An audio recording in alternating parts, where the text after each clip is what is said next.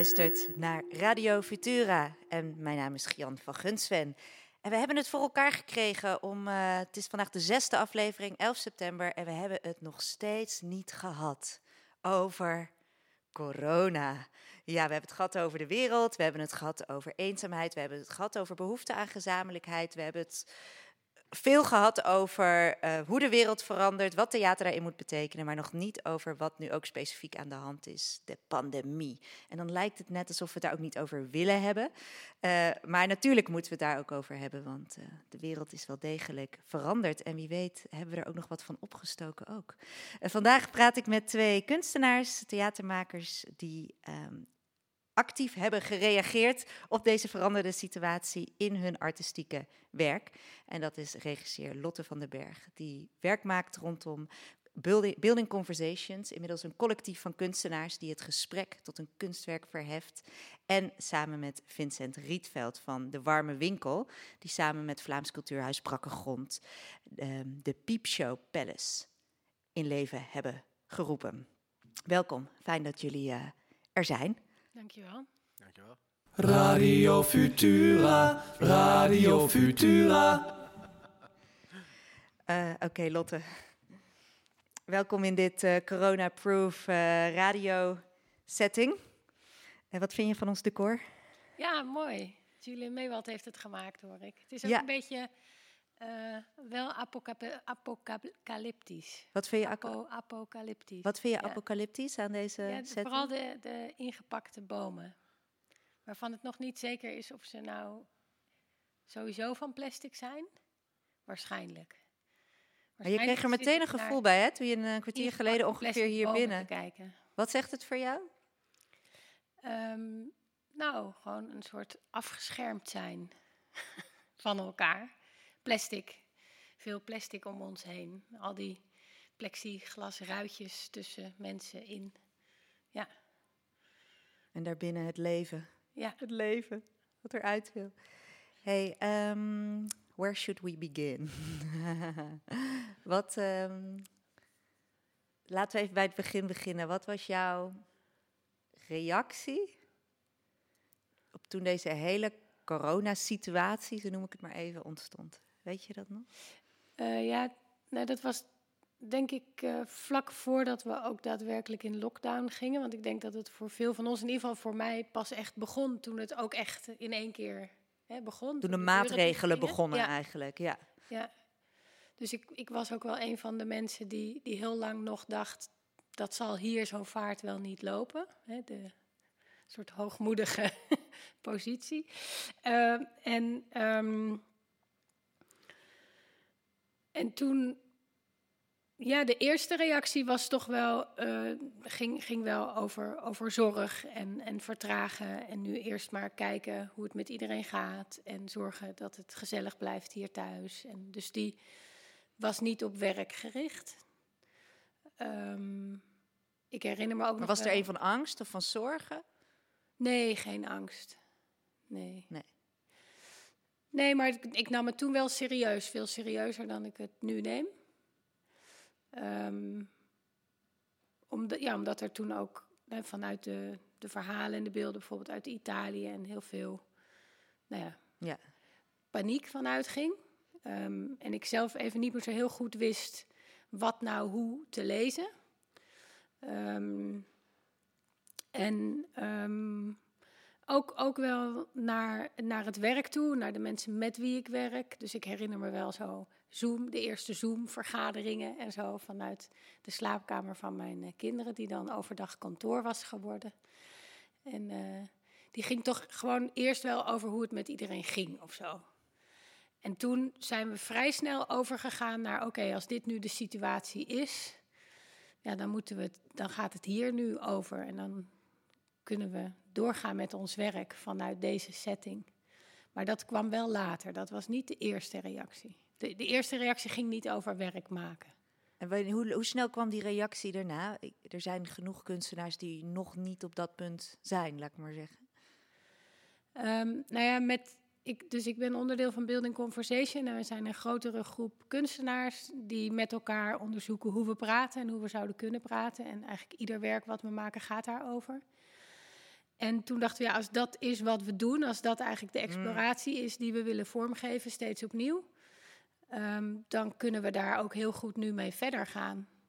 Dus wij werden niet gehinderd door kan theater wel online en zo. Want theater maken was niet onze main focus. En we waren sowieso al bezig met hoe, hoe interageren we, hoe gaan we met elkaar in gesprek, hoe, hoe gaan we met elkaar contact aan. En, eh, en dat onderzochten we in heel veel verschillende settings live. Maar dat deed zich zo voor in die digitale Zoom-omgevingen en via telefoon en op afstand, dat we dachten, dan kunnen we net zo goed nu deze situatie als onderzoeksterrein nemen en hier voorstellen doen. Dus toen zijn we eigenlijk in eerste instantie die, die ruimte van de Zoom, of ja, dat Zoom-platform als een ruimte gaan, gaan onderzoeken. Van hoe kom je daar binnen, hoe ga je daar weg, hoe reageer je daar op elkaar? Kunnen we hier wel ruzie maken of zijn we eigenlijk alleen maar de hele tijd eh, heel stil en lief? Wat is het dat je jezelf zo makkelijk uit kan zetten, kan muten, onzichtbaar kan maken, terug kan komen? Eh, en daar ontstonden al snel eigenlijk ook heel veel, nee, heel veel, veel, veel, artistieke, creatieve vragen of zo. Waar, waar, ja, iedereen zit opeens in, in zijn eigen huis, is een soort podium geworden of zo. Dat is natuurlijk ook heel prachtig om het, om het vanuit, eh, vanuit een theaterblik naar, naar dat medium te kijken. Want even heel kort voor mensen die nooit bij een ja, performance of ontmoeting van Building Conversations zijn geweest. Is er een, kan je een korte ehm, eh, beschrijving geven van wat je daar meemaakt als publiek? Er zijn natuurlijk heel veel verschillende vormen. Hebben jullie daarin eh, uitgeprobeerd? Maar is er een prototype? een prototype werk? Nou, we zijn nu kan je niet ongeveer... zeggen, hè? Ja. Nee, er is geen prototype. We zijn nu ongeveer zes, zes jaar bezig. En, ehm, en wat, wat we eigenlijk vanaf het begin zeggen is dat een gesprek ook iets is wat je maakt. Dat dat eigenlijk een gezamenlijke creatie is. Je zou kunnen zeggen, nu, wij zitten ook met elkaar te praten. En nu voor de mensen die luisteren lijkt het alsof je- alleen jij en ik er zijn. Maar er zitten hier nog drie mensen in de ruimte, Ja. bijvoorbeeld. De technicus is er, Petra is er, die de communicatie doet. Eh, en we hebben met elkaar een gesprek. En er zijn een paar mensen die praten, zijn ook mensen die luisteren. Jij die nu live luistert, kan zelfs langskomen. Ja, Even aankloppen in het steegje bij de Nes. er ja. zijn stoelen.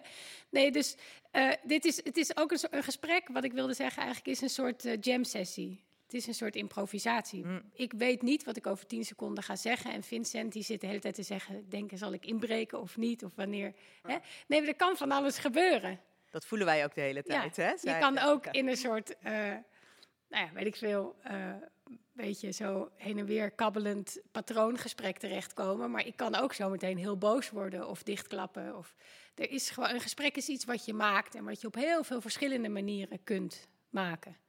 En het is ook iets wat je met elkaar doet. En wat En- verheft de, de gesprekken die eh, Building Conversations initieert boven het, eh, het kroeggesprek of het gesprek wat ik vanavond met een vriendin in de bar heb of morgen met mijn moeder? Nou, het verheft het niet. Het do- doet alleen het voorstel om te kijken naar hoe we het doen. Dus het doet eigenlijk het voorstel en daarvoor doen wij wel eh, eh, aanpassingen. Dus wat we eigenlijk doen is dat we mensen vragen om op een andere manier dan ze gewend zijn met elkaar in gesprek te gaan. Dus bijvoorbeeld juist het conflict op te zoeken en door dat ook ja, fysiek mensen op een bepaalde manier in de ruimte te zetten ten opzichte van elkaar, waardoor je dat uitlokt of juist eh, rustig maakt. Of, hè, er is natuurlijk, als twee mensen tegenover elkaar staan, zoals bij een politiek debat, en allebei een stelling hebben die tegenstrijdig is, dan wordt het ongezellig. Hè? Dan, dan, gaat het, dan, dan Ja. wordt het polariserend. Dat is geanceneerd. Ja. Dat is niet wat die mensen doen, dat is wat de setting doet eigenlijk.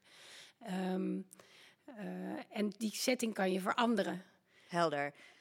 En dat doen we. Of we zeggen mensen, we hebben een gesprek zonder dat we woorden gebruiken. Of we hebben een gesprek nadat we eerst heel lang met elkaar hebben zitten schrijven en voorlezen. Of, het heeft allemaal impact op, op wat je zegt, op hoe je het zegt, op hoe je luistert, op hoe je reageert. Dus je kan daarin heel veel interventies doen. En dan terug naar de lockdown na de corona. Het gesprek, hè, de, de vorm die werd, ineens werd gegeven, was Zoom. Zoom. Ja, voor heel veel mensen. En wat deed dat dan? Ehm, ja, wat, wat doet dat? Dat, dat de, de- voor ons allemaal denk ik iets anders. Het voelt ook alweer lang geleden. Wat het doet is dat we allemaal in vakjes terechtkwamen. Dus dat er een soort flatgebouw ontstond. Ehm, waar, en dat kan je ook weer op heel veel verschillende manieren eh, ervaren. Dus je kan daarin denken van, oh ja, we zijn allemaal heel erg ver van elkaar. En hè, we zitten allemaal in ons eigen hokje, in ons eigen kader. Ehm, maar we hebben ook wel gesprekken gehad waarbij mensen zeiden: oh, Ik heb echt het gevoel dat ik nu nieuwe buren heb gekregen. Dus waarin je, waarin je letterlijk dat, dat, dat eh, patroon van Zoom, met bijvoorbeeld 16 mensen uit de hele wereld die met elkaar in gesprek zijn.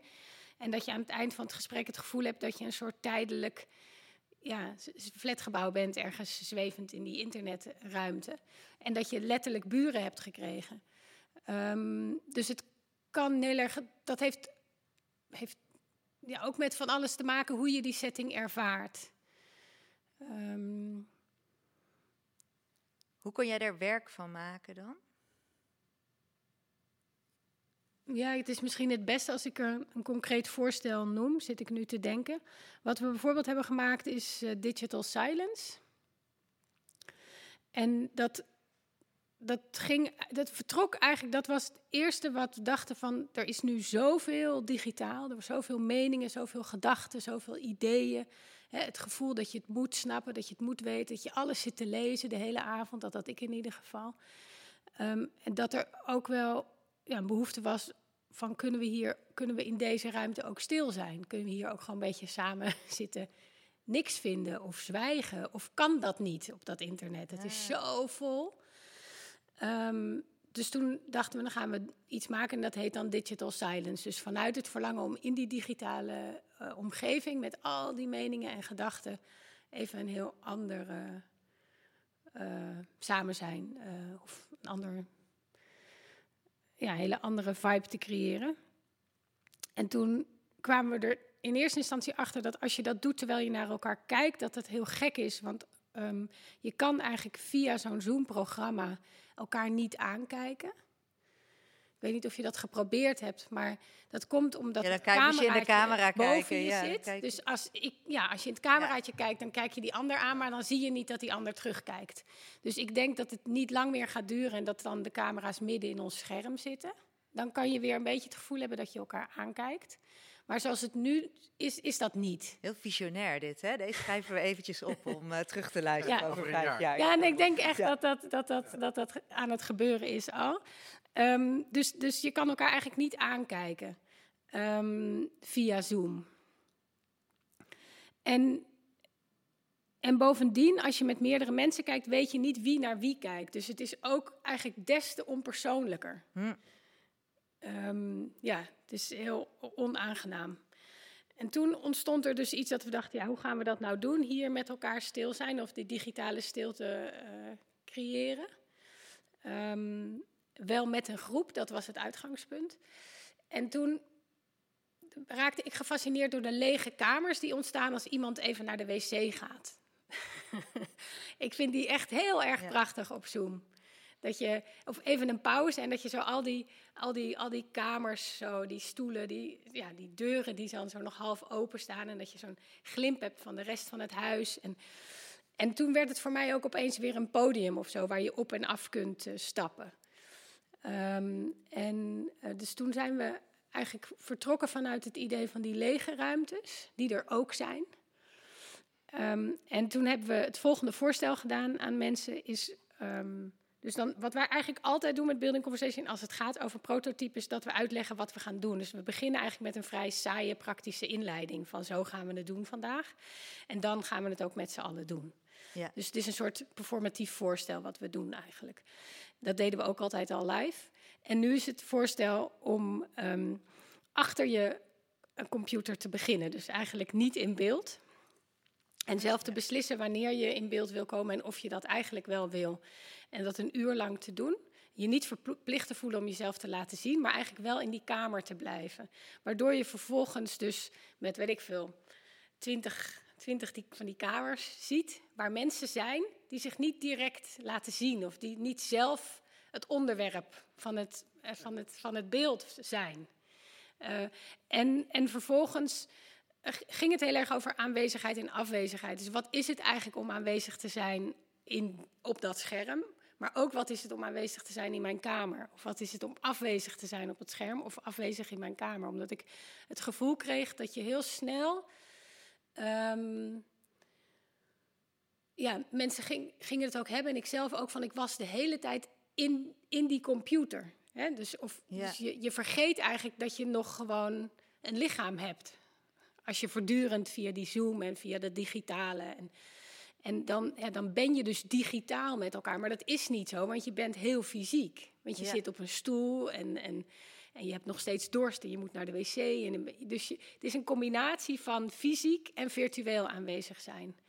En ik vroeg me heel erg af. Um, ja, ik vroeg me heel erg af of dat twee tegenstrijdige dingen zijn of dat die samen kunnen komen. Dus dat je, of je daar een balans in kan vinden. Het lijkt zo dat op het moment dat je. Misschien wordt het nu heel abstract en ingewikkeld hoor, maar.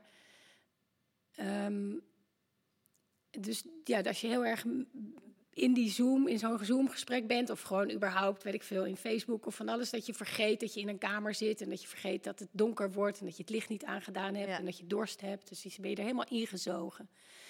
Um, maar je kan ook heel erg eruit gehaald worden doordat opeens iemand tegen je praat en dat je denkt van, oh ja, en, dan, kan je die andere wereld, weer. Maar is er, is er een soort manier van een balans te vinden waarin je met die beide bent? Dus dat je en digitaal met die anderen bent, die heel ver weg van je zijn, maar dat je ook met jezelf en je eigen lijf in die ruimte bent. Um, want we zijn natuurlijk niet digitaal en virtueel geworden. We zijn nog steeds heel erg met ons eigen lichaam aanwezig in die eigen kamer. Dus daar ging dat onderzoek over. En dat was ontzettend mooi om te doen. Um, en dan heb je dus vervolgens eigenlijk een uur lang lege kamers met mensen. En, en dat, dat, dat vertelt zich voor. Dus dan deden er opeens mensen mee uit, uh, uit, Amerika, uit New York of, uh, of uh, ergens van Australië of uit Duitsland of Polen. En die kwamen elkaar dan daar tegen. Dus dat was een waanzinnig voordeel eigenlijk van het werk online. Is dat je heel snel een, een ja, veel grotere community kunt uh, aanspreken. Ik had me zo voorgenomen om het niet over je digitale werk te hebben, maar het is zo fascinerend, omdat het zo'n herkenbare ervaring is die, uh, ja, die we allemaal waarschijnlijk hebben gehad in die lockdown-periode, uh, om met elkaar te communiceren en om daar even jouw artistieke bril op te hebben, hoe je dat eigenlijk tot een uh, kunst verheft. Herken je dingen van die Lotte zegt? Heb jij er ook op die manier naar gekeken tijdens jouw Zoom-meetings? Dat je een soort theatraliteit erin zag, of dat je met die, vanuit die blik naar uh, dat gesprek ging kijken? Heb jij op zo'n manier, als Lotte beschrijft nee, nee, over met, die... met bewondering te luisteren. Ja, ik, ik heb dat dus ook. echt stront vervelend. En, uh, en ik, ik vond ook het, uh, het gesprek heel vervelend. Maar misschien had ik, had ik dit soort dingen moeten doen als buiten beeld gaan of zo. Maar ik vond het, ik vond het alleen maar ontzettend vervelend. En uh, ik ben blij dat, dat, uh, dat we dat. Uh, hoewel ik ook blij ben dat de mogelijkheid er is en, en dat je het makkelijk kan doen. Ik was wel benieuwd, hoe, want ik, ik vind het leuk om voor me te zien. Is hoe, hoeveel mensen zijn dat dan? Of zijn het dan. Want als je met te veel doet, dan is het ook niet meer visueel leuk, toch? Of? Nee, dus als het grotere groepen werden, we waren dus ook redelijk makkelijk op te schalen. Dus als er dan opeens 36 mensen zich inschreven, dan maakten we twee groepen. Uh, ja, ja. Hè, dus dan, uh, ja, dus we, we konden heel makkelijk uh, zeggen, de max is 12 voor zo'n club. Maar als er dan 24 zijn, dan maken we twee groepen of we maken drie groepen. Of, ja. Dus, dus dat varieerde een beetje. Hoeveel mensen er waren? 20, 30, 40. Maar ik vond, in mijn, in mijn ervaring was juist dat zeg maar, voor het normale gesprek wordt echt helemaal, helemaal kapot gemaakt. Dat je, doordat je, er zit altijd wel, wel, wel, iemand die heeft dan het woord en die, die, ja, die laat je ook uitpraten uit een soort beleefdheid. Terwijl je normaal gesproken voel je uh, aan, weet ik veel, de houding van mensen van, ah ja, het is tijd om, uh, uh, en dus dan was je beleefd af. En dan, dan wou je iets zeggen, dan was iemand anders. ja, maar dan dat... was je alweer kwijt wat je, wat je, wat je wou zeggen. En dan zat, ik, ik vond het, het, het, het, het, haalt zeg maar de praters en de niet-praters eh dit vergrote kloof tussen praten en niet praten. Nee, het, Eh, volgens mij laat het alleen maar zien dat het een nieuwe plek is en dat we daar niet automatisch kunnen doen wat we hier kunnen doen, omdat je inderdaad heel veel mist aan, eh, aan eh, non-verbale communicatie bijvoorbeeld. Hè, Ja. zien, zien wat iemand, dat hij op zijn puntje van zijn stoel zit. Ja, maar nu, nu, on- nu onderbrak je mij zeg maar op het moment, nu onderbreek ik jou, eh, wat, die, we- wat we ook fysiek eh, eh, weten dat het kan. Of je ziet in mijn ogen dat ik eigenlijk twijfel en mijn punt al heb gemaakt en dan kom jij of zo. Terwijl ik op Zoom dan nog even had gewacht. Eh, Je of kan je- ook niet er tussendoor praten zoals ik nu, toch? Want dan zouden jullie meteen op mute gaan. Nee, maar jongens, het gaat niet Het gaat om over. het uitzoomen. Dat jij hebt uitgezoomd en Ja. gezien welke patronen daar... Nee, dat je niet moet denken dat je daar hetzelfde kan doen als hier. Maar je kan dat ook gewoon in zijn vorm accepteren en daarmee omgaan. En dan zijn er hele prachtige gesprekken mogelijk. Ehm, waarin je dus inderdaad wel moet, ja, moet, moet omgaan met hoe interrumpeer je elkaar of, of, of wanneer praat wie. En dat zijn, maar daar kan je natuurlijk allemaal, Ja. daar kan je allemaal interventies op doen. Dat is ook eigenlijk weer een ontwerp. Mijn volgende Zoom-gesprek wordt anders. Dat weet ik nu zeker. Ja. Wat denk ik heel belangrijk is, is dat je elkaar niet moet eh unmuten. Dus dat is nu een van de gangbare dingen, is dat je dus iedereen op mute zet. En alleen degene die spreekt, zet je aan. Maar dat maakt die grens tussen wanneer praat ik en wanneer praat ik niet nog groter. En Ja. dat maakt de afwezigheid van de mensen niet praat, die niet praten ook nog groter. Dus wij hadden een van de regels was dat iedereen altijd aanstond en dat al het geluid meedeed. En dus dan heb je maar af en toe een kind er doorheen of zo. Maar juist om te zorgen dat die werelden waar we in zijn, die, die kamers en die huizen, dat die, dat die ook meedoen. Eh, dat, dat je die niet vergeet. Dat, dat is volgens mij een van een heel belangrijk, super simpel gegeven. We gaan nog een hele uitzending wijden aan eh, eh, de theatraliteit in de digitale wereld. Eh, daarna ben jij live dingen gaan maken. Dus ben je weer mensen gaan treffen. Was het vanaf dat moment dat het weer mocht? Of? Ja, nou, dat zat er aan te komen, toch? Het was duidelijk dat we weer open gingen en dat er, dat er van alles kon gebeuren. Dus toen zijn we daarover na gaan denken. Ja. Want je voelde wel dat je meteen iets wilde doen of zo. Je had wel meteen zoiets van: oké, ik heb hier een vorm voor, ik ga meteen hierop. Ja, wij zijn sowieso met ons werk wel redelijk dicht op de huid van de actualiteit geweest de afgelopen jaren. Ehm, en ja, we hadden ook zin om, Ja. om te werken. We hadden niet heel veel zin. Oh, en om iets bij te dragen of iets toe te voegen of iets er tegenover te zetten. En, eh, en, en weer, weer vertrekkend eigenlijk vanuit het idee van laten we dan gewoon maar die, hè, die oefenruimte van de kunsten waar we zo goed in zijn, dat Ja. improviseren, het nog niet weten. Nu weet niemand het. Dat is anders ook niet zo, maar nu durven we het toe te geven. dat we aan het uitproberen zijn, dat we het niet weten, dat we risico's nemen. Dus laten we gebruik maken van die ook, ehm, ja, wat wil ik zeggen, eagerness, van die bereidheid eigenlijk om, om het uit te proberen met elkaar, om het te onderzoeken. Is dat een verdienste van deze tijd? Zie je dat als iets wat nu ineens is ontstaan, dat niet weten?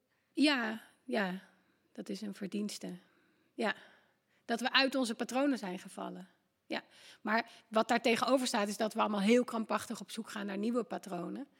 Ehm, en dat die al bijna weer eh, vast liggen of gevonden zijn, heb ik soms het gevoel. Waar, waar doe je dan op?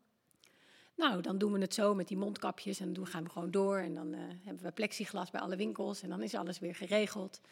Ehm, ja, ik vond, ik vond wat dat betreft die eerste tijd echt veel leuker dan nu. Nu dat je zo voelt dat het weer terugvalt in, in patronen. ehm, hè, en dat er een soort nieuw normaal, dat vind ik een heel beangstigend begrip.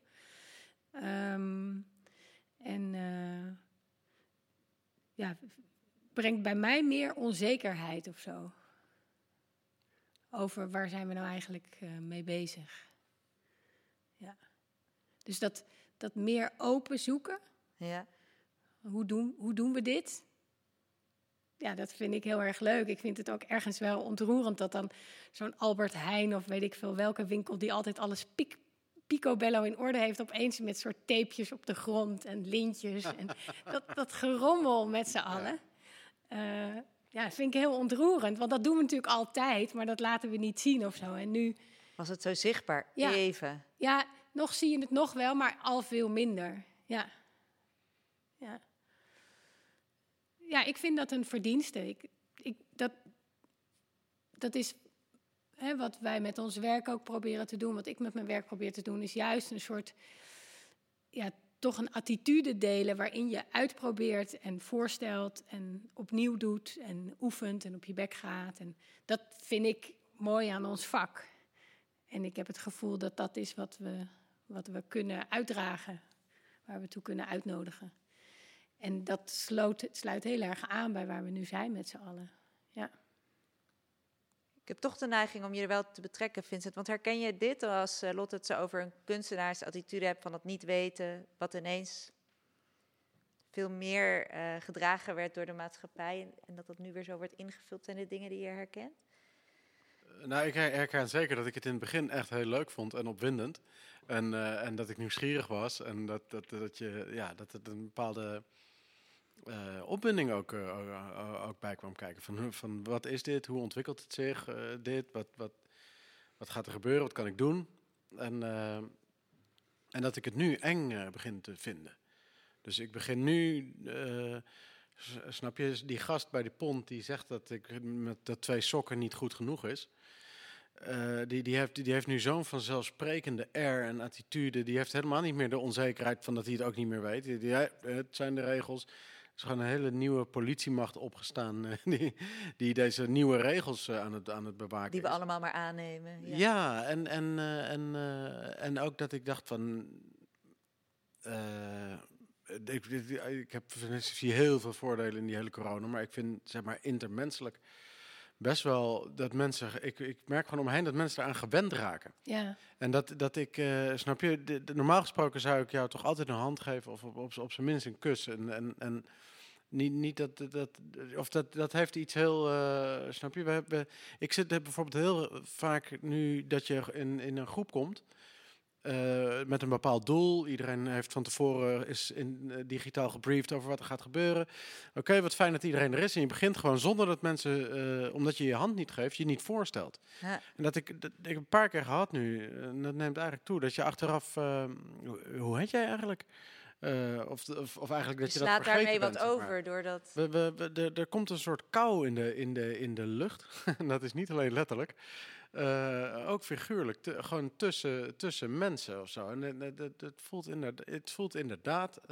In, ik vind, het, ik vind dat, dat gedeelte eng. Oké, okay, we gaan het zo verder hebben over hoe dit in jullie. Uh, Want dat zei jij ook, toch? Dat, dat, dat, je, ja, dat, dat je het nu je. eigenlijk vervelend begint Ja, ik vind het ook heel... Ja. Ik deel dat woord, dat eng. En ook, ik had het pas ergens dat ik zo voelde dat ik automatisch naar achter schoot... omdat ik te dicht bij iemand was. En dat ik dacht, shit, dit zit in mijn lijf. Hè, dus ik, oh, ja? zonder erover na te denken dat ik een anderhalve meter aannam, zo gezegd. Oh. Dat vond ik ook echt heel naar. Ja. Uh, en... Ja, en zeker als ik nadenk over mijn eigen kinderen of zo... en dat die in deze wereld opgroeien... en dat ik denk, fuck, wat is dat als je zo'n grit hebt, hè? Zo'n ja. fysieke gewoonte uh, aanleert. Ja. ja, zeker. Even dansen met jouw meisjes, Lotte.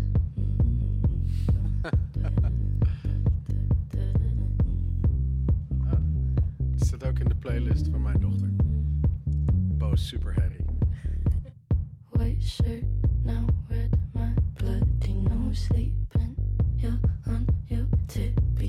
creep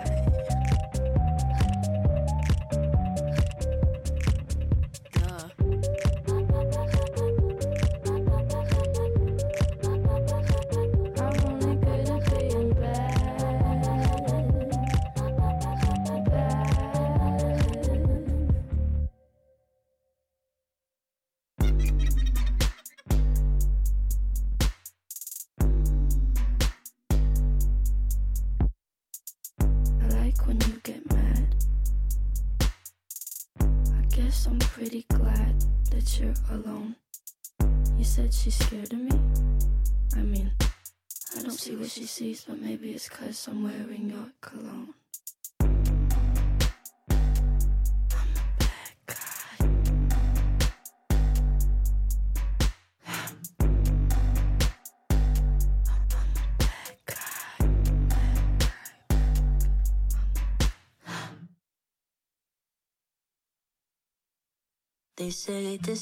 Oh, kijk.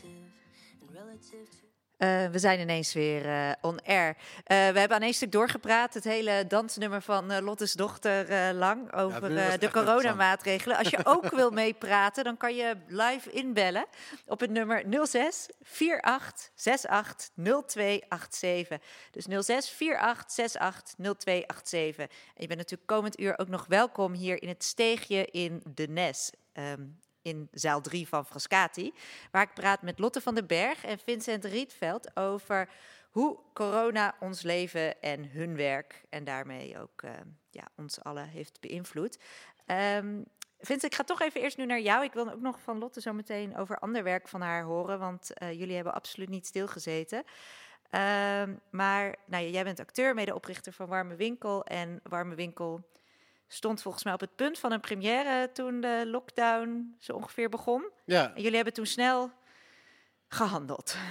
eh, ja, nou ja, wij zouden dus eh, een oprechte ode aan de ironie zou in première gaan op zondag. En toen kwam er donderdag, eh, we- we- werd geloof ik, kwam er, was er een persconferentie dat het- dat. Eh, er was ook nog een beetje ra- eh, licht tussen de spijlen, of misschien met 100 man of zo. En ik was in, eh, ik ben altijd zo, eh, ja, eh, ik vind het altijd heel vervelend als iemand zegt dat iets niet kan. Eh, dus er was eerst zo eh, uite- uiteindelijk kon het niet. En toen, eh, ja, op de een manier viel het toch ook wel makkelijk van me af. Zoals je, als je een première hebt gehad, is altijd die dagen daarna een soort loop je bevrijd rond of zo. Van oké, of het nou geslaagd was of niet, dat, dat was het dan. Eh, dus dat had ik nu ook weer. Maar, eh, en ik genoot er ook echt heel erg van. Eh, maar toen kwam Wart eigenlijk met het idee om die piepshow te doen. Ja. Die had hier eigenlijk moeten zitten. Heb ik ook gezegd. Maar ja, even. We zijn blij dat jij er bent, Vincent. Ja. Maar die piepshow, ehm, dit behoeft wat eh, toelichting. Wat voor een piepshow? Nou, dat, dat was leuk. We, we dachten gewoon eigenlijk. Ja, om daar snel op te reageren. Dat leek, leek ons leuk. Eigenlijk dachten we, dus dit, we hebben het nu over 17 maart. En wij, denk 23 maart, zeiden we: oké, maar dan moet het 1 mei moet het staan. en dan, eh, dan gaat het werken. Want jullie kwamen op het idee van een piepshow. Misschien weet nog niet iedereen dat. Ja, nou Ja. gewoon eigenlijk, oké, van wat, wat gaat er weg? Het, het, het nabij zijn, het samen dingen meemaken. Gewoon al die kwaliteiten van het theater die verdwijnen. De intimiteit, het live, dat gaat allemaal weg. Dat is precies waar, wij, eh, waar ik na, na één Zoom-meeting al behoefte aan had. Toen zeiden we, oké, dat gaan we dan maken en dat eh, doen we met die, eh, met die piepshow. En dat, ja, ja dus toen, en toen zijn we aan de slag gegaan. En was eerst, eerst was het idee om iets van betonplex te maken, een soort, soort paardenstallen. Eh, die dus ook buiten konden zetten, betonplex. eh, en, ehm, en dat, maar dat kon dan alleen op één eh, ring beneden. En dat zou 26.000 euro kosten. En dan, ja, om dan de mensen dicht genoeg bij te hebben om ook echt intimiteit te hebben. Dus zou dan zou je daar maximaal eh 45 man in kwijt kunnen of zo. Nou, dat, is- eigenlijk, eigenlijk was mijn enige bijdrage aan de piepshow is dat ik zei, het moet twee verdiepingen hebben, anders, anders is het niks. En eh, zo is het een beetje doorgesteggeld en toen eh, waren er mensen nog met eh, juridische achtergronden. En, en, die, die, die, dus uiteindelijk werd het eh 1, 1, 1 juli en toen stond hij er. En dus een piepshow met twee verdiepingen waar 100 man in kan. Het is een soort colosseumachtig eh, iets met een arena in het midden en allemaal ja, hokjes waar publiek... Ja, ja een, een, piepshow met een draaitoneel in het midden. En ja, zo. En, eh, maar dat ding eh, kostte ook, eh, ook flink wat. Dus wij dachten gewoon, het is in principe een voor een productie van ons. Eigenlijk is het als decor bedacht voor onze eigen, eigen productie. Maar omdat het, ja, omdat er natuurlijk veel makers toch ook een beetje met hun handen in het haar zaten. Ja. En, en, en het een bepaalde kosten met zich meebracht. En energie, moeite gewoon om dat ding neer te zetten. Dachten we, ja, eigenlijk zou het zo, zo leuk zijn. En toen is het Peep Show Palace Festival gemaakt. Waarbij we dus in de zomer, in juli en augustus, twee maanden lang eh, in, in de brakke grond stonden. En eh, met eh, drie voorstellingen per dag, zes dagen in de week.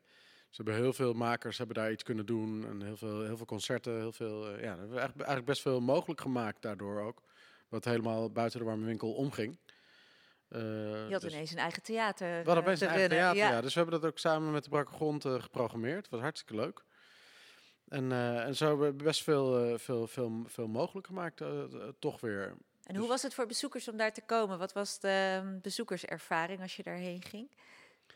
Eh, ja, ik, ik was eigenlijk. eh, ik, ik, vond het, ik vond sommige dingen ook niet helemaal perfect hoor. Je, het, het ging bijvoorbeeld in tijdslots moest je binnenkomen, zeg maar. Dus dat was ook wel een beetje het idee dat je het eigenlijk naar zou maken aan het begin, zodat het leuk zou zijn, extra leuk zou zijn om er te zijn. Dus je krijgt tijdslots, dan moest je precies tussen eh, twee voor half negen en drie over vijf. Of, nee, je, moet- je moest precies. Lekker doorgevoerd, ja. Moest je er zijn en dan stonden dan mensen te. Dan moest je zelf onder zo'n apparaatje. mondkap of kaartje dat nog liep- net? Nee, allemaal van die kappen oké. voor. En, we hadden zoveel mogelijk van eh, geel en zwart was. eh, zeg maar van die linten, dat was ook, dat was ook helemaal eh, doorgestileerd in de website, maar ook in de kleding van de, van de vrijwilligers en, en in, de, in de aankleding van de brakke grond. Dus, eh dus zo veel mogelijk corona-adem en dan zou je daar komen en dan zou je kunst weer kunnen zien. En dat was, eh, voor veel mensen is dat, eh, ja, die keren dat ik er kwam kijken hoorde je iedereen die, die daar ging zitten wel, wauw, oh. En dus dat hoorde je, dat hoorde je heel veel. Maar waar ben je Ja. zelf dan eh, twijfelachtig over? Nou, ik vond gewoon puur dat, je, dat, het, dat het iets sneller had, had, had moeten zijn. Nu duurde het voor 100 man, die deden er 25 minuten over om te gaan zitten. Dus dat is vier per minuut. Of dat, dat had best wel ook naar 12 minuten gekund. En, eh, eh, dus zo zat ik een beetje te kijken. Gewoon dus voor, puur voor de ervaring was het toffer geweest om toch wat sneller samen binnen te komen. Samen wauw te zeggen. En het dan te laten beginnen. En dan, eh, maar nee, maar ik ben hoofdzakelijk heel tevreden hoor. Dit is een kanttekening. En hoe was het om, eh, en hoe was het om daar te spelen? Want dat, eh, nou, we hebben het net met Lotte over hoe een bepaalde mm, structuur eigenlijk hè, een gesprek kan eh, beïnvloeden. Maar dit, je zet een heel andere publieksopstelling daar omheen. Wat voor ontmoeting vond daar plaats? Eh, ja, het grappige was dat je was wel echt dichterbij. eh gewoon fysiek dichterbij dan in een normaal theater. En toch, omdat je, omdat je hier zo'n raampje hebt, had je, was er toch ook een afstand met het publiek. Eh, dus het was een heel raar soort eh, en dichterbij en verder weg eh, gevoel. Dus dat was, was, was wel heel bijzonder. Zeker de voorstelling die de Warme Winkel daar gemaakt heeft. Maar dan mag ik zeggen omdat ik er niet aan meedeed. De openingsvoorstelling. met Marien Jongewaard en, en Marieke de Zwaan. en, en, en, en Bart Weemhoff dus. Dat was, dat was, was echt fantastisch. Daar was je er heel dichtbij. En die speelde totaal vierde wand. Waardoor je die, die, die, ja, die afstand eigenlijk eh, die je door het lijstje voelde, eh, ja, die, die was er ook echt. Of, maar je was gewoon fysiek heel dichtbij. Je kon het heel goed volgen. Het geluid in dat ding was supergoed. Met boxjes in elk, elk hokje. Dus eh, dat maakte ook de gezenderde voorstellingen werkte, volgens mij was alles gezenderd. dat werkte ook absoluut het best.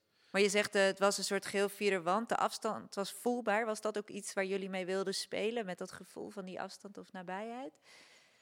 Eh, Ja, nou, dat, dat gevoel dat je erbij mag zijn, maar dat je niet te zien bent of zo. In, normaal heb je in een theaterzaal het gevoel dat je te zien bent. eh, Door, door, de, door, je- door je buren en door de, eh, door de andere mensen in de zaal. Maar ook, ook wel de mensen op het podium, die kijken de zaal in. En dan voel je je bekeken, ook al ziet Gijs Scholten van As gaat jou echt niet zitten. Eh, toch, eh, ja, en hier, hier voelde je je niet bekeken, zeg maar, want je lampje in je hokje ging uit. Dus je was heel, heel dichtbij, maar, maar eh, het, het contact met de vloer was er dan ook weer op een bepaalde manier minder dan, dan, dan, dan in een echt theater. Maar- de- ja? Nou, de- de- het leuke aan, het- je je hoorde eigenlijk van alle spelers die daar stonden, Ja. dat het gewoon heel, het is totaal anders dan in een theaterzaal waar je, je hebt een voorkant en een achterkant. Leren ze op de mimeopleiding, eh leer je daar ook. Ja, in een arena spelen. gedaan of, of Nee. een regieopleiding heb jij gedaan? Ja. ja. Nee, maar in het rondspelen is echt heftig. Ja, Ja. dus je hebt de hele tijd, eh, eh, ja. Dus eigenlijk wat, waarom alleen samen, dus de voorstelling waar ik aan refereerde, goed werkte. En, maar ook wat ik daar zelf speelde met eh Dood Paard, het waren allemaal dialogen. Dus dan speelde ik gewoon ehm, eh, rechtstreeks naar Lotte. Voor de, voor de luisteraars, wij zitten tegenover elkaar. En dan zag zeg maar, de mensen die achter Lotte zaten, die zagen mij.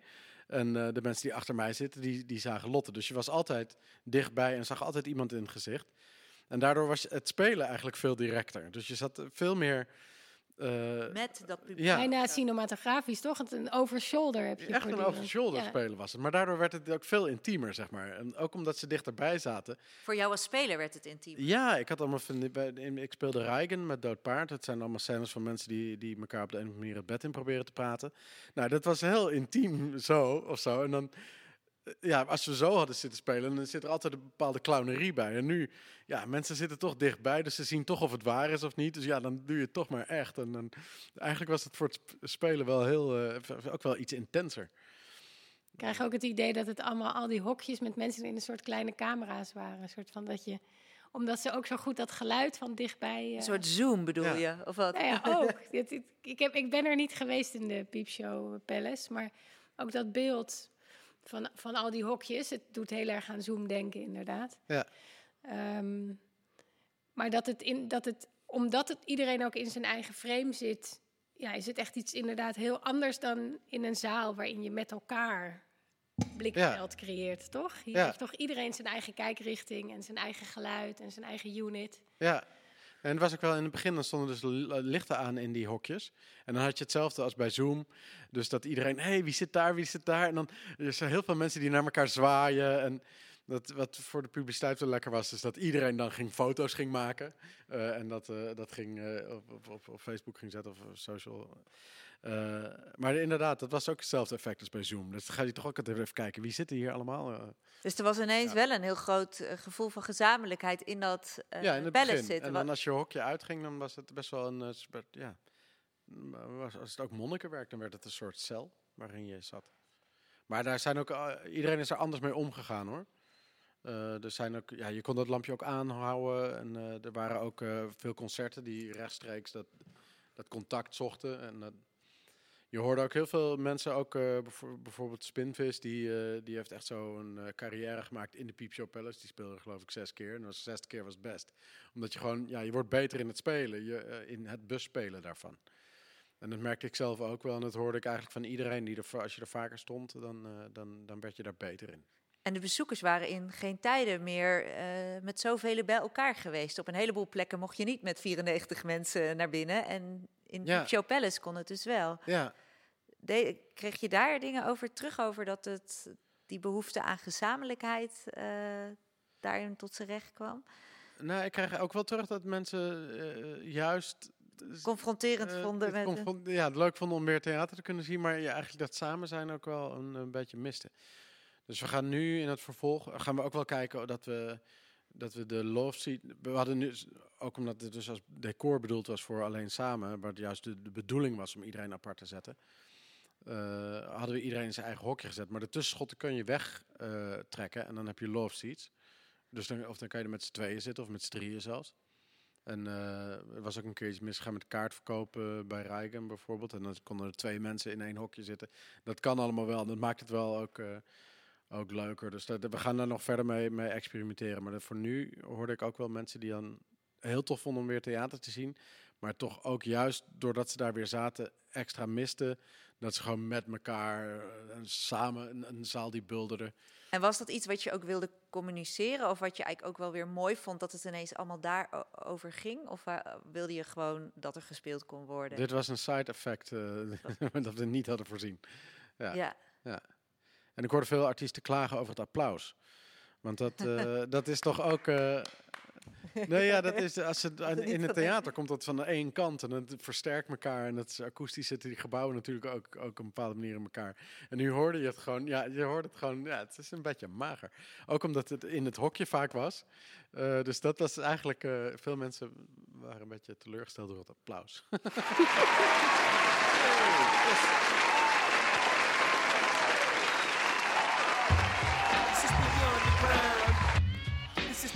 underground. This is the underground. Ondergronds, ongehoorde stemmen.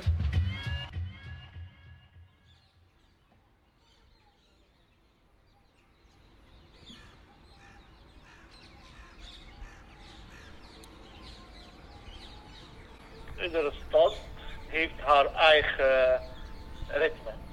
En iedere wijk heeft zijn eigen ritme. En dat is overal in de wereld de dag begint met iets. In de Groene Veen begint de dag altijd met, met de metro. De metro rijdt rond tien voor zes als eerste. Die heb ik net gehoord. Rond vijf hoor je ook die vliegtuigen. Die heb ik ook niet kunnen horen. Om half zes gaat mijn buurman naar de moskee. Dat deed hij ook niet. Mijn buurjongetje, om rond half acht, moet hij naar school, naar de speciale onderwijs gaan. En als hij gaat, dan maakt, maakt hij heel veel lawaai. Dus word ik wakker op zijn stem en op zijn stappen, zeg maar. Dat heb ik ook niet gehoord. En dat was eigenlijk heel vreemd voor vooral Groene Veen, want Groene Veen is altijd leven. Er is altijd in beweging in Groene Veen. Maar op die dag, maandag, was helemaal alles stil.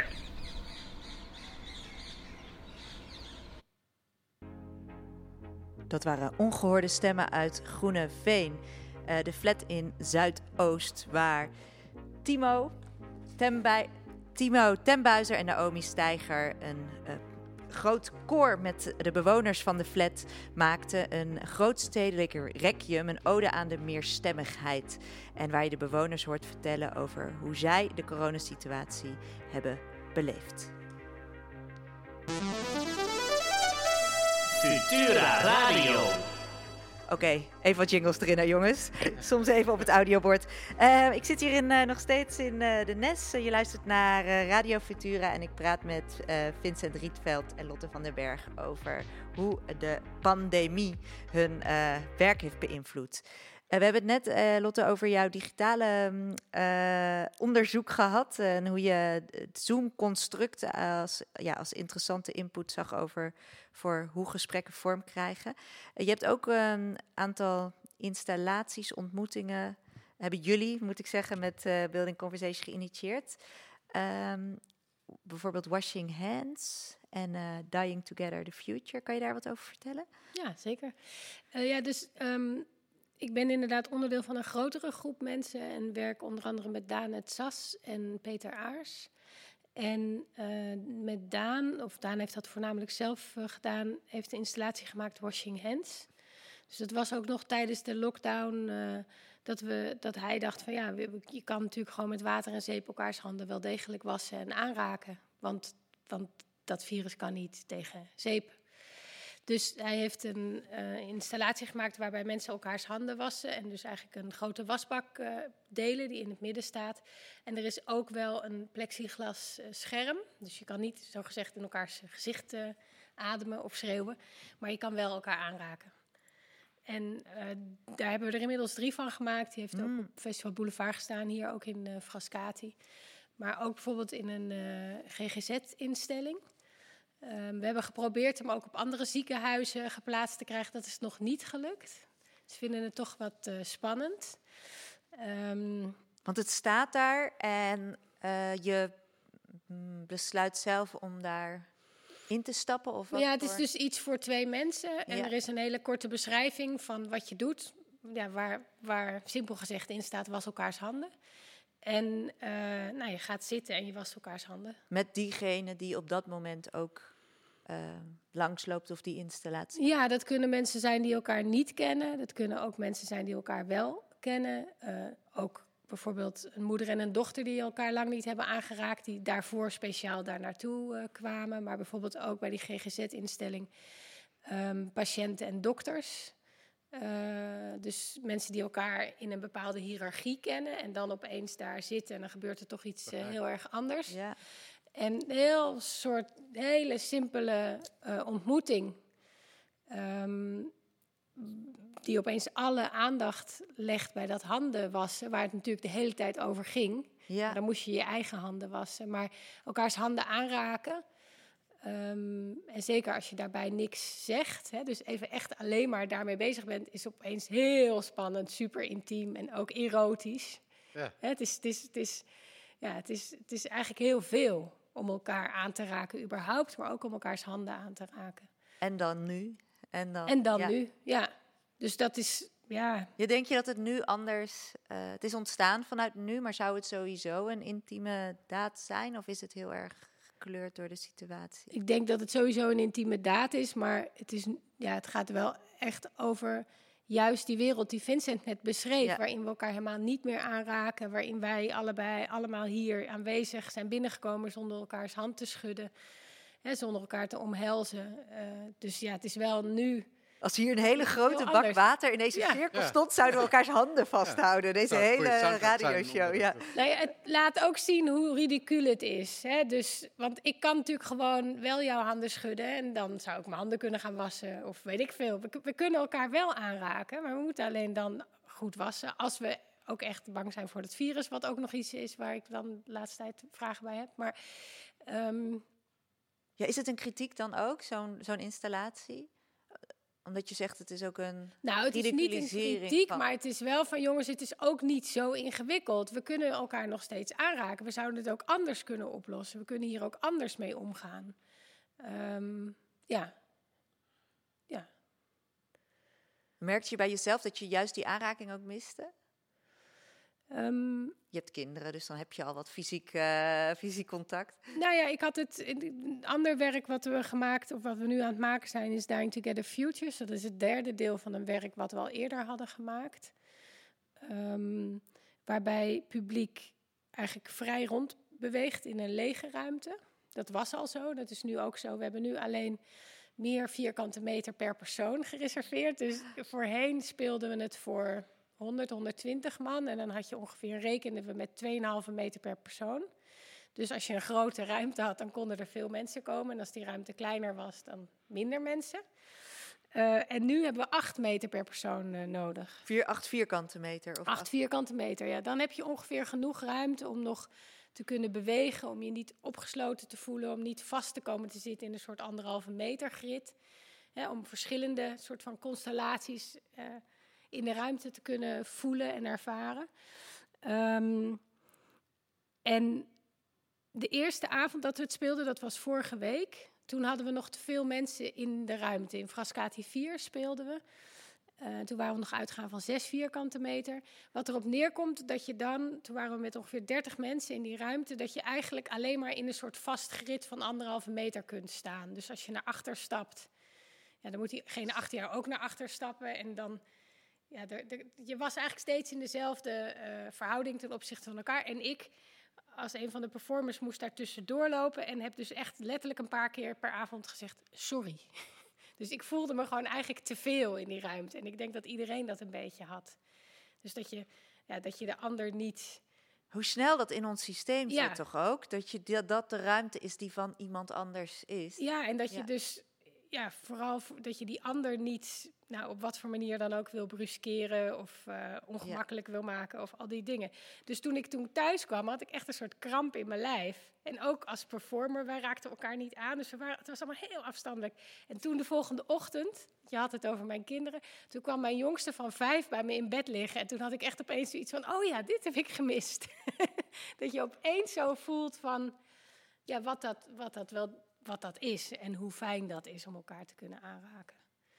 Ehm, Vertel nog even wat meer ook over dit, deze performance waar het inhoudelijk over gaat. Als je, ja, Dying Together Futures, of Dying Together eerst is een werk wat ik dus in 2018 voor het eerst heb gemaakt.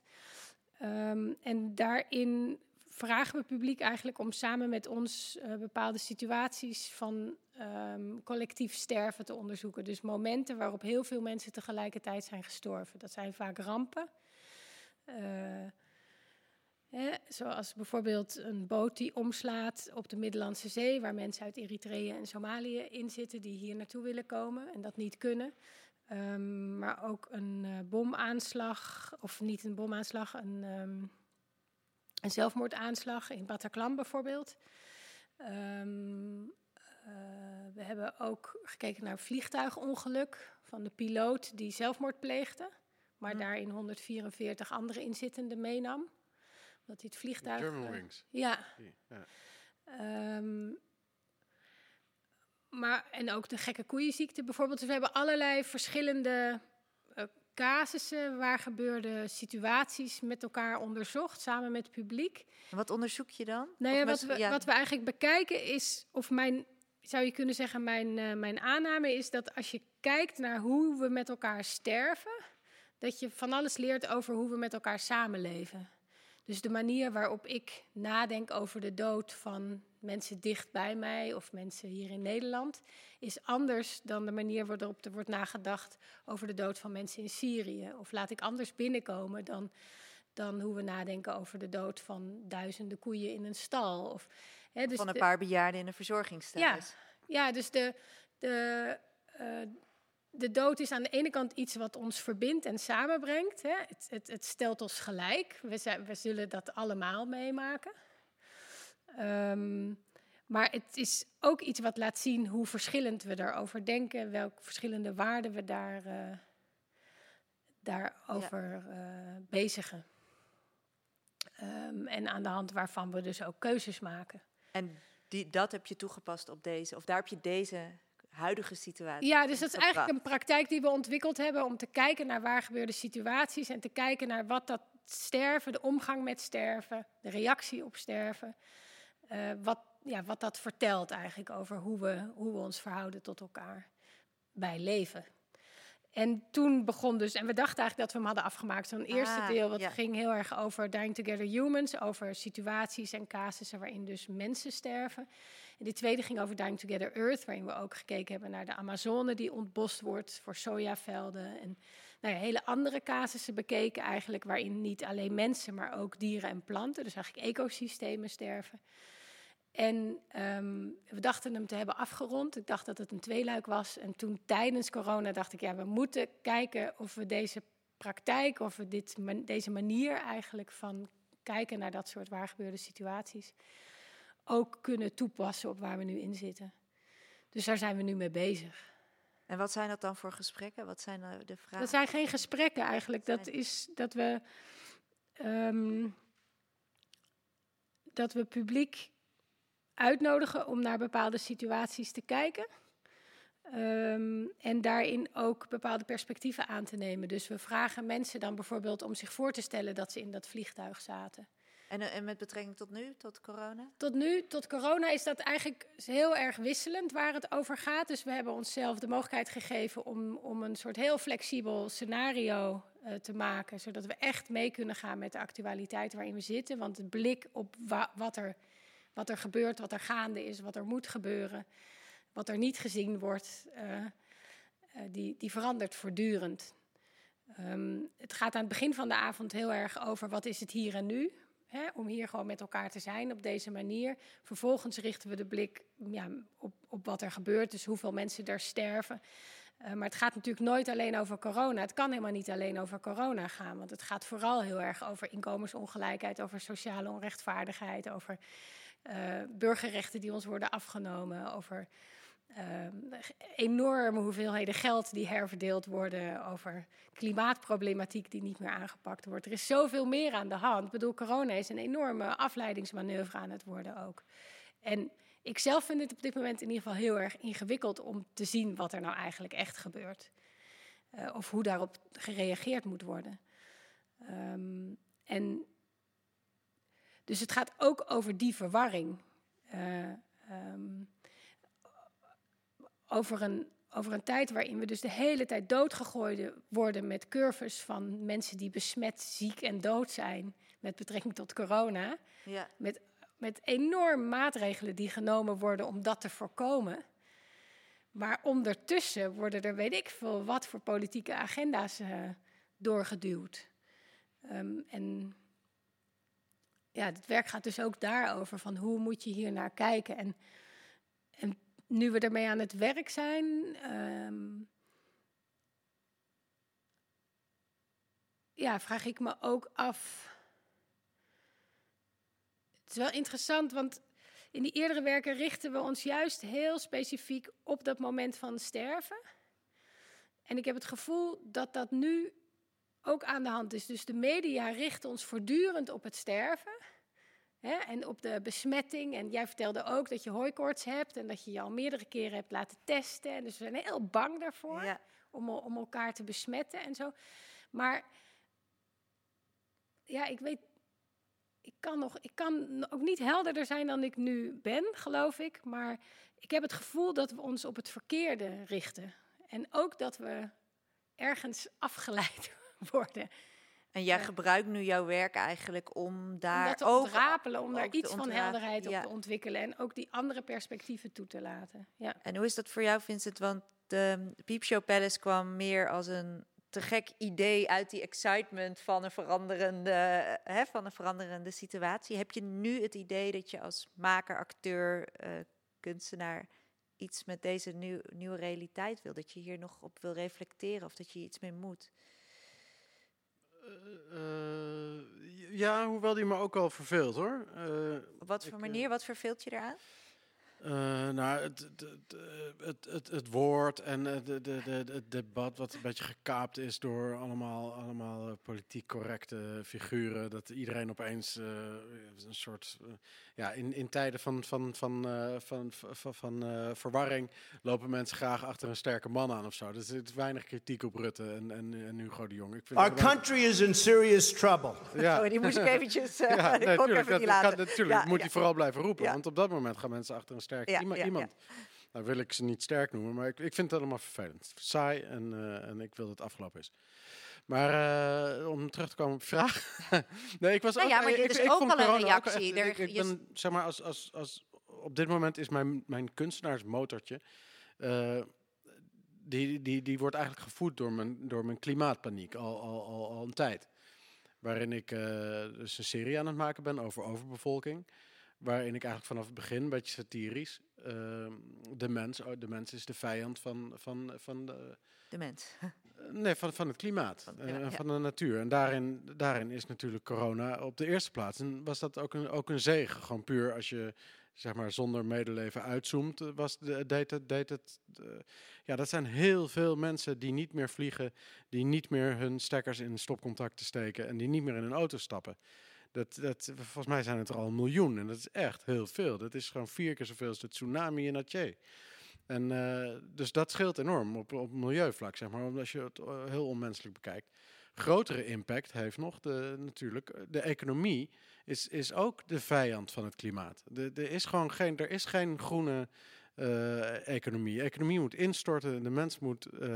ja, dat is, de, en- dat is de enige manier om ons klimaat te redden. En wat dat betreft zou je ook van Trump kunnen zeggen dat het een klimaatheld is met, met al zijn handelsbeperkingen. Hebben veel meer gedaan voor. Ja, Obama heeft veel slechter, wat dat betreft, veel slechter gedaan voor het klimaat dan Trump.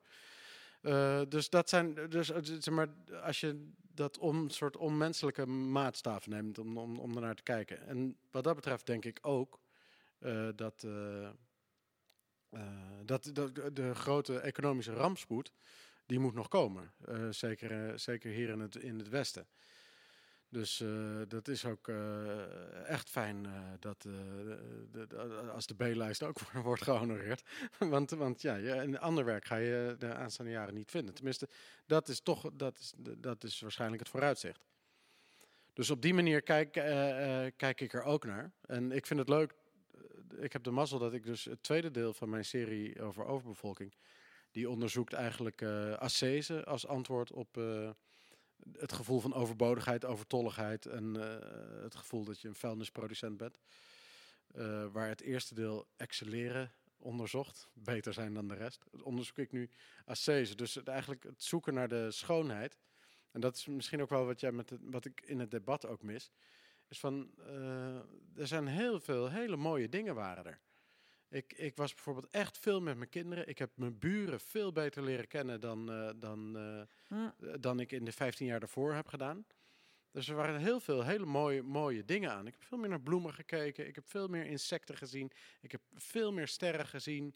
Doordat de lucht minder vervuild is. En dat is echt fantastisch. En dat, dat, dat, ik hoor dat ook van heel veel andere mensen die dat echt fantastisch vonden. En dat is iets wat, wat we ook moeten blijven benoemen. Want dat is dus iets. Wat we hebben terug- meegemaakt daar even in En ik vond het qua klimaat natuurlijk hoopvol. Dat je als mensheid eh, zo snel kan schakelen. Als, als, als je eigen gezondheid op het spel staat.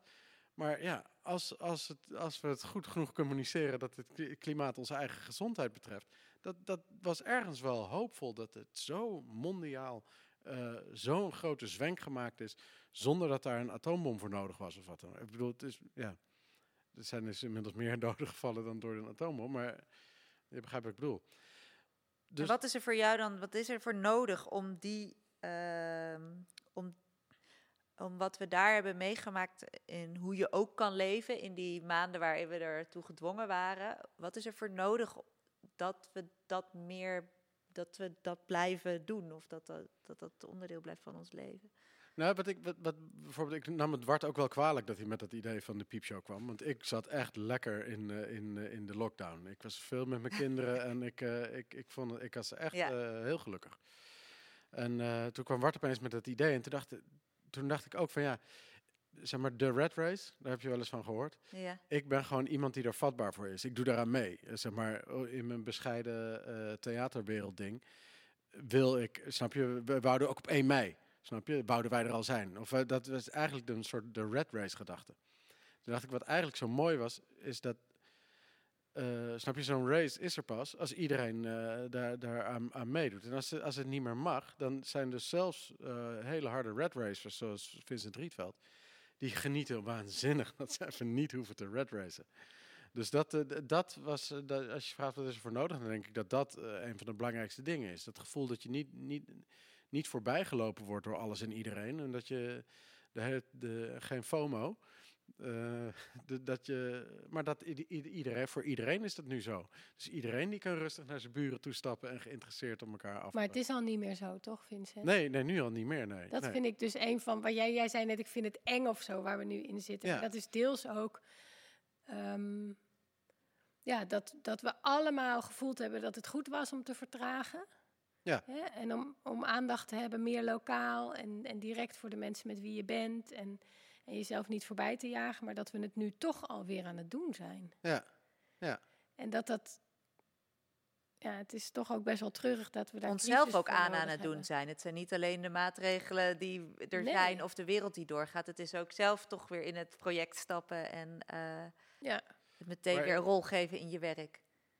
Maar ik ben, ja, ik ben eh, de, de, de, veel mensen ook nog niet. Hè. De werkloosheid neemt snel toe. En eh, ik bijvoorbeeld ben echt heb veel, veel gelezen. Ik heb zeg maar, als puber las ik superveel. En daar heb ik eigenlijk mijn hele eh, werkzame leven als kunstenaar, om, om het maar lelijk te zeggen, heb ik daarop op voort kunnen, kunnen gaan. Ik heb in de coronatijd echt weer even kunnen, kunnen bijlezen.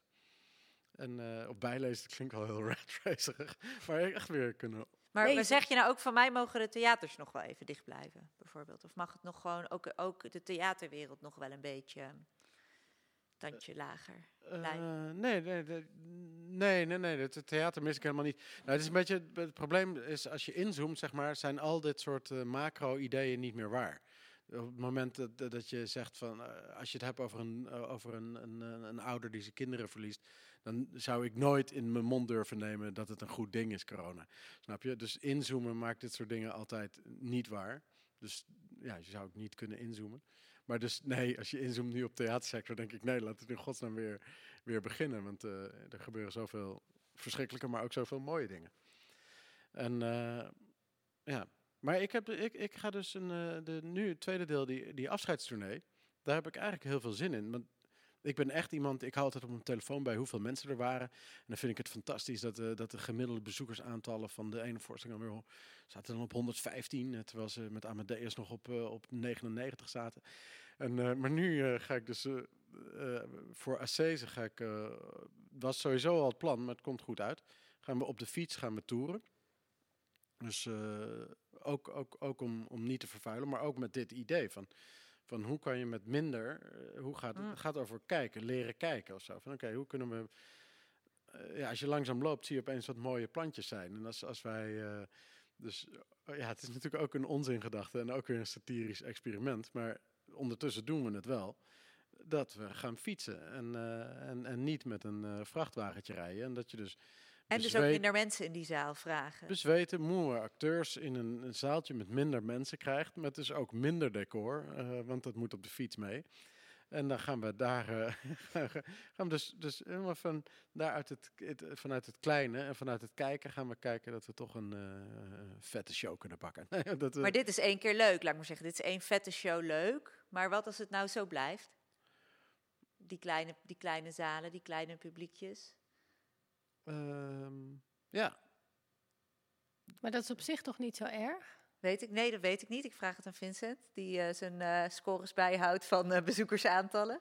ja Weet jij dat, hij- zou jij het niet erg vinden? Kijk, dit, dit is, het verandert gewoon wat er gebeurt. We hebben bijvoorbeeld de, de oprechte ode aan de ironie die niet doorgaat.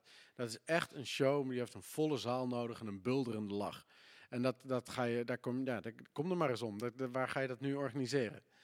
Dus die hebben we ook ja, gezegd van ja, dat, dat, we, hadden, we hadden het dan voor nu voor dit najaar geboekt staan. En dan speel je dus in al die grote zalen voor, wat is het, 150, 200 man. Dus dat hebben we dan toch gezegd van ja, we wachten tot er een vaccin is voordat we die voorstelling gaan eh, opnemen. Dus het verandert denk ik de aard van het werk. Eh, voor mijzelf. En jij ziet het dus veranderen. Jij, jij denkt van straks is er het vaccin, dan zitten we gewoon weer met die volle zaal. Dan is alles weer, eh, dan kan ik weer de publieksknaller maken. Ja, nee, gaat alles gewoon weer door zoals. Zeg maar, op dat niveau ben ik nu altijd heel blij dat Delft bijvoorbeeld alles uitverkocht. dat gaat natuurlijk heel snel nu. En dan eh, komt de vraag of je twee keer wilt spelen. En dan, oké, dan daar houdt het dus ook in. Meer moeite doen voor, voor, eh, voor, voor, voor dat wat je, wat je wil vertellen. intiemer maken of zo. Het verandert veel. En eh, ik vind het interessant ook wel hoe, dat, hoe, zich, dat, eh, hoe zich dat ontwikkelt, tuurlijk. Jij zegt het is misschien ook niet erg als er gewoon minder publiek is, als het gewoon de setting. Nee, ik, ben, ik, ik, vind sowieso kleine groepen vind ik niet zo erg.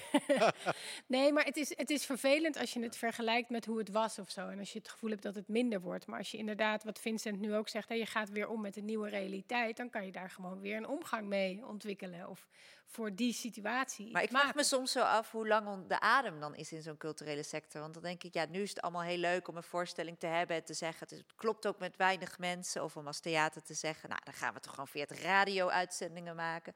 Maar uiteindelijk eh, ja, kriebelt het.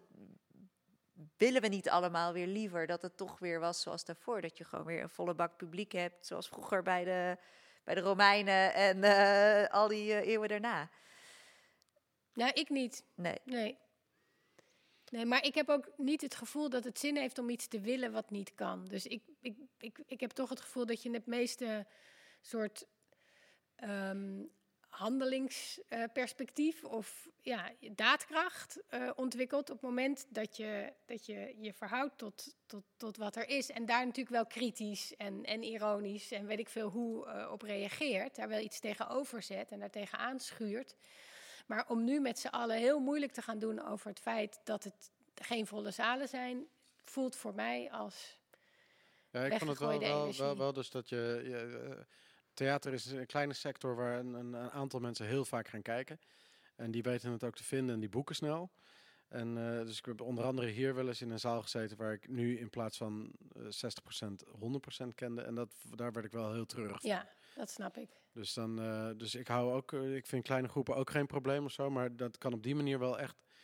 Ja, ik heb sowieso het gevoel dat, dat normaal gesproken, eh, pre-corona had ik wel het gevoel met hoe meer publiek, hoe meer ook electorale draagkracht. Of ik ben daarin ook Ja. altijd een missionaris van de kunst. Dus dan ja, zoals vorig jaar bij de Musketeers hebben we zeg maar alles, alle, alle records verbroken. En dat voelt dan ook echt goed dat je dat je dus als eh, een fondsgesubsidieerd gezelschap zo'n groot bereik kan hebben. Eh, dat, dat, dat, dat voelt dan ook als argument dat je. Dat, eh, dat- dat- dat- ja, het is heel Nee, dat snap ik. Maar dan, dan, dan, ja, dan, mo- dan moeten we dus andere dingen gaan doen om te zorgen dat dat publiek niet zo'n in-crowd eh, clubje is. En dus dan, dan moet je naar Ja, In plaats dus- van per dus se meer bijvoorbeeld- mensen bij elkaar ja. te willen, terwijl dat nu gewoon Nee, ik- vind dit een heel erg de- belangrijk eh, punt wat, wat Vincent noemt. Ja, Ja. Ja. Nou, gaan dus op de fiets. eh, eh, en het- het was heel intensief om een tour te boeken. Waar je steeds 80 kilometer kan fietsen en dan weer eh, bij een theater terechtkomt. En het is ook niet gelukt om dat helemaal te doen. Dus we gaan van. We spelen geloof ik in Almere op de 22e januari. En dan 24e in Enschede. En dan pas de 26e in Groningen of zo. Dus dan zit ik te denken van ja, onderweg. Ik ga nu natuurlijk niet naar Amsterdam fietsen.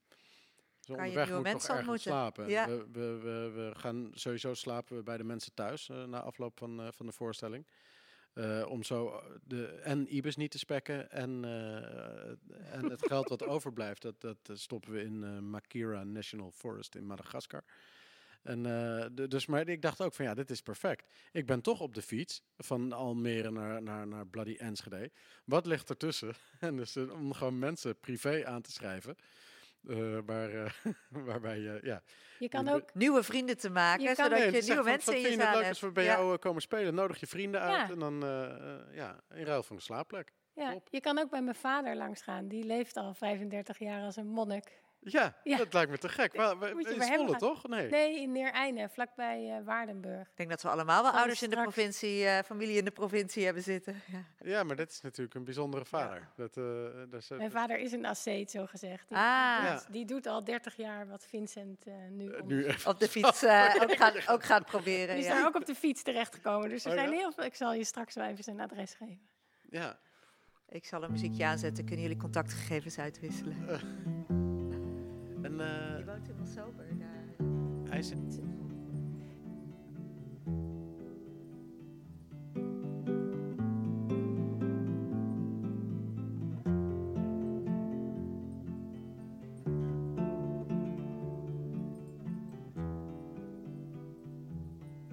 It's four in the morning, the end of December.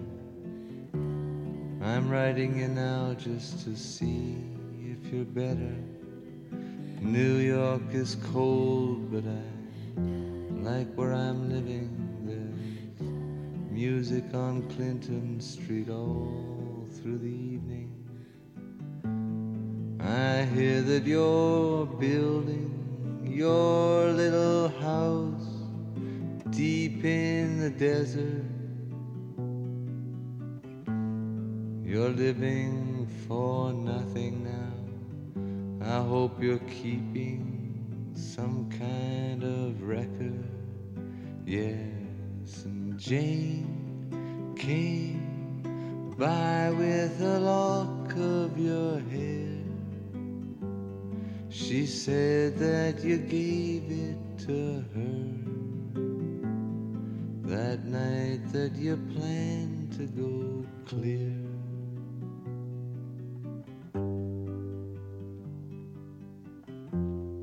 Did you ever go clear?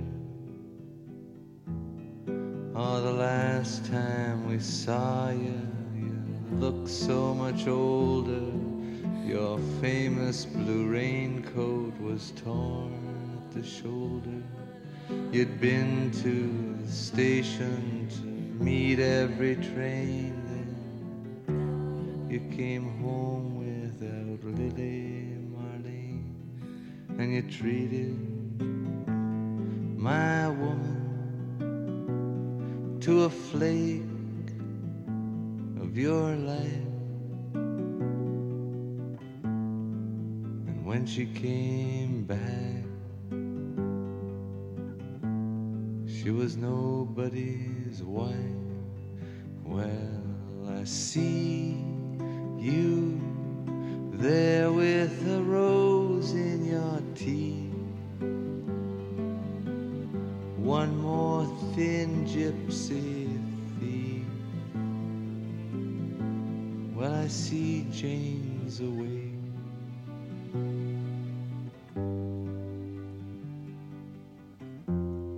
she sends her regard.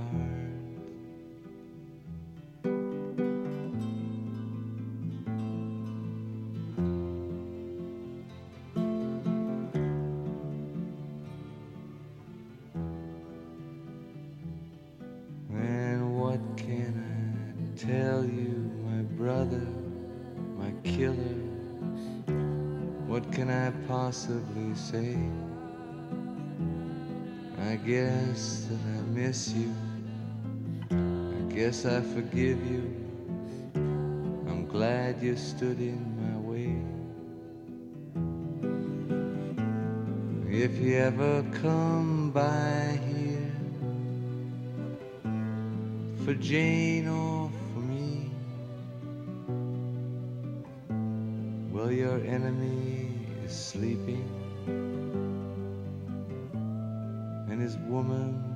is free. Yes, and thanks for the trouble you took from her eyes. I thought it was there for good, so I never tried.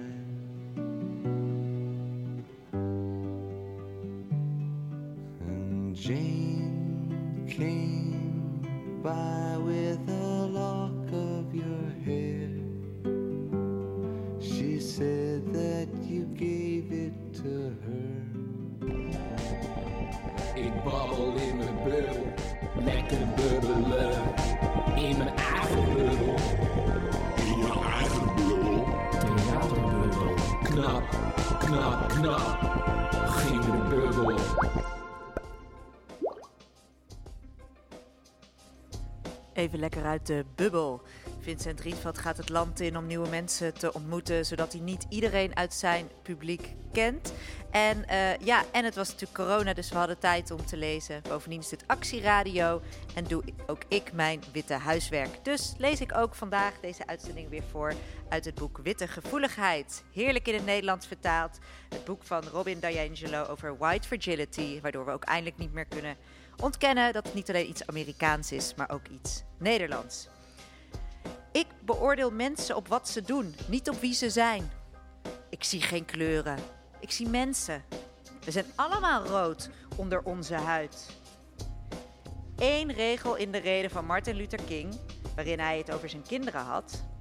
Dat zij op een dag zullen leven in een land waar ze niet beoordeeld zullen worden op hun huidskleur, maar op de inhoud van hun karakter, werd door het witte publiek omarmd, omdat men die woorden zag als een simpele, snelle oplossing voor raciale spanningen. We doen alsof we geen ras zien. En dan is er geen racisme meer.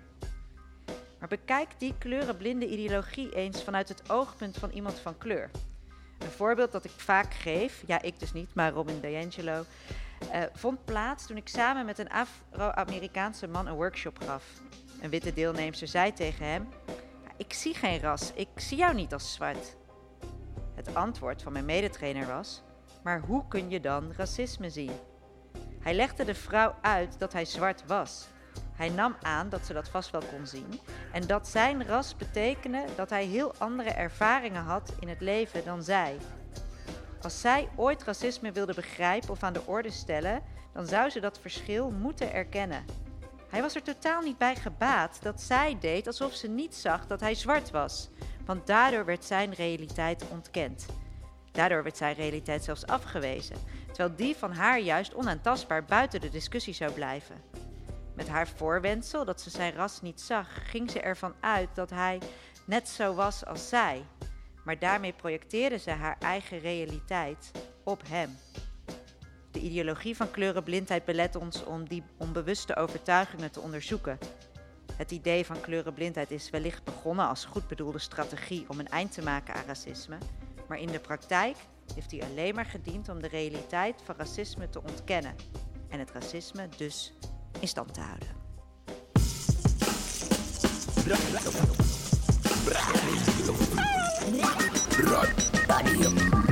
Futura.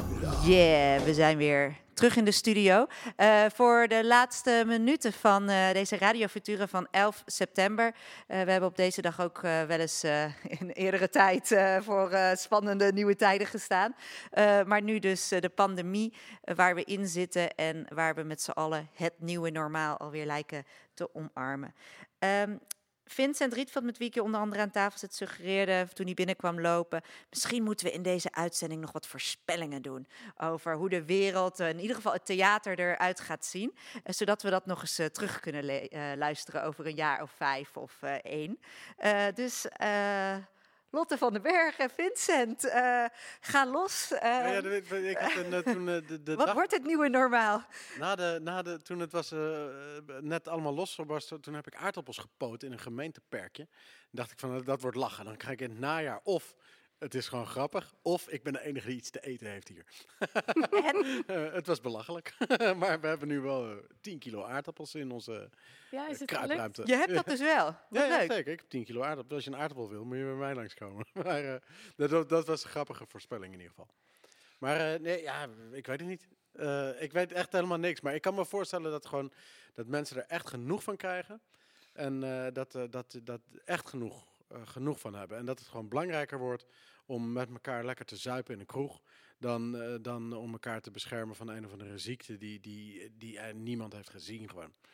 Dus eh, dat, dat, dat denk ik. Ik denk dat over, over een jaar dat... eh, dat Hierom lachen, om hoe we nu ons eh, pas nou, dat, de, weet ik veel dat de autoriteit in ieder geval eh, heeft ingeboet. Dat we niet meer luisteren naar die gast bij de pont die zegt dat het niet met, met sokken mag.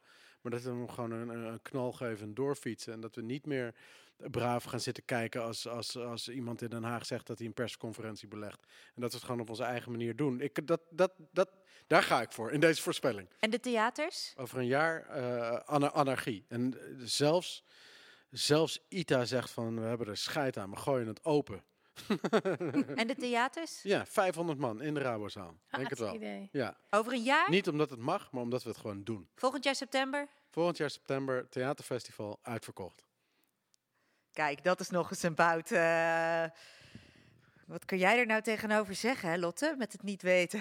Nou, ik volg heel erg de, hè, de- dat de protesten zullen aanzwellen. Dat is natuurlijk al aan het gebeuren en ik voel het ook zelf. Ik heb ook steeds minder zin. Ik heb ook het gevoel dat we ons enorm aan het aanstellen zijn.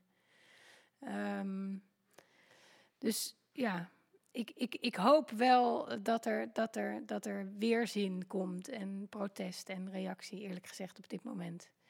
Ik, ik vrees dat er ook heel veel mensen toch eh, door, door angst gedreven eh, zich zullen blijven afschermen op een bepaalde manier. Dat dat niet alleen is omdat we de autoriteit volgen, maar ook om, omdat, nou in ieder geval ook door het verhaal wat de media nu, eh, nu op ons afslingert. Ehm, ik, ja, ik, ik hoop dat er, en ik weet nog niet hoe dat eruit ziet, maar eigenlijk ook reagerend op wat Vincent zegt, dus dat het, dat het, het, dus het samen zijn nog meer op waarde geschat zal worden. En dat we daar bewuster voor kiezen. En ik weet niet hoe dat eruit gaat zien, maar ja, ik denk wel dat dat gaat gebeuren. Ja, ik, ik hoop het ook, dat we ons niet gaan eh, neerleggen bij een soort eh, afstandelijk leven. Ehm, Wat denk je dat er in de, in de kunstsector onder de kunstenaars gebeurt? Want ik vind het opvallend dat je zegt, of ik merkte op dat je zei, eh, en daar zijn jullie allebei een voorbeeld van, van oké, je moet de situatie die er nu is accepteren, want dat leidt tot daadkracht. Maar ik zie ook heel veel kunstenaars eh, die verlamd zijn door deze situatie. Dus allerminst, eh, misschien omdat ze het niet kunnen accepteren, maar allerminst daadkracht tonen. En jullie zijn twee voorbeelden van die dat uitermate doen. Wat denk je wat er onder kunstenaars of in het culturele veld gaat gebeuren? Ehm, ja. ja, ik hoop dat iedereen enorm daadkrachtig wordt. En misschien Open komen er wel over ja. eh, anderhalf jaar gewoon een onwaarschijnlijke, onwaarschijnlijke host aan extreem goede voorstellingen en boeken uit. Ik hoorde dat ook eh, wel. Dat je denkt van, ja, mensen hebben opeens weer echt nagedacht en hebben zich echt laten inspireren en hebben, hebben echt de rust genomen om een zin twee keer om te draaien voordat ze hem uitkramen. En eh, misschien wordt het wel, eh, misschien komt er wel, krijgen we een soort eh, babyboom van, van, van goede kunsten. Ja, die voorspelling wordt al gedaan ook Ja? op, door muzikanten en zo. dat hè, dat de, de albums gaan komen. Ja. Dat het nog even duurt, maar niemand kan toeren. Dus iedereen zit thuis eigenlijk gewoon waanzinnig mooi materiaal te verzamelen. Ja, veel En- boeken. Ja, dus ik, ja, mensen die misschien nu nog niet, dat vind ik ook oké. Ik snap ook bijvoorbeeld met Dying Together Futures, ik word ook gek van het feit dat ik mezelf nu het idee heb, hè, dus dat wij nu aan het reflecteren zijn op een situatie waar we middenin zitten, is ook eigenlijk eh, wel haast onmogelijk. Dus dat is goed om te doen, maar het is ook goed dat er mensen zijn die dat nog niet doen. Of die, die daar met meer rust eh, en afstand naar kijken. Ehm, Ik vind het ook leuk dat je het zegt, want ik, ik heb dat dus niet. Ik ben alleen maar eh, eh, bezig. En eh, ik ging laatst voor het eerst naar San Francisco op de Zeedijk. Toen was eigenlijk mijn eerste confrontatie met dat, het, dat corona echt kut is. Dat je met 26 man in een, in een nachtkroeg zit. Op anderhalve meter En daarvoor ben ik eigenlijk gewoon heel veel bezig. Mijn kinderen naar school aan het brengen. En, en, en dat, dat, dat, dat, zeg maar, dat, wat Lodewijk Asscher het spitsuur van het leven noemt, dat gaat gewoon lekker door. Zeg maar. dus, en, en plus, alle kunstenaars die jij beschrijft, die zie ik niet. Ik kom ze niet eh, tegen. Nee, want die zitten die- thuis ja, eh, die zich te broeden mij, op dat eh, geniale boek wat over twee jaar Ja, uitkomt. precies. Dus ja. wat jij zegt, er, ervaar ik helemaal niet. Ik, eh, Nee. ik ook niet. Ik Ja. ervaar dat ook niet. Eh, ook niet om me heen. ik neem het aan, hè? dat absoluut. Maar eh, ik... ik eh, Daarom was het fijn om met jullie hier te praten afgelopen anderhalf uur. En eh, met die anderen over twee jaar weer, als dat, eh, als dat boek er ligt. We zijn door de anderhalf uur heen. Eh, dit was eh, mondkapjes aan en naar buiten. mondkapjes aan en eh, bijna naar buiten. Dit was eh, Radio Ventura, actieradio over theater en de wereld. Live vanuit de NES. Je had ons kunnen bezoeken, heb je niet gedaan. Misschien eh, had je je, kon je je mondkapje niet vinden en was je afgeschrokken omdat je niet met twee sokken over je mond eh, op de pont mocht. Maar vanaf volgende week woensdag 7 uur, dan zijn we er weer. Woensdag, donderdag en vrijdag tussen 7 en half 9. Ik zit hier of Dionne Verwij. Eh, nou, dit was een programma van Frascati Producties in het eh, corona-proof decor vormgegeven door Julian Maywald. En met deze fantastische jingles en fillers van Leon Bril en Danny Lucassen. En ik dank hier bij mij aan tafel natuurlijk hartelijk Vincent Rietveld en Lotte van den Berg. Dankjewel.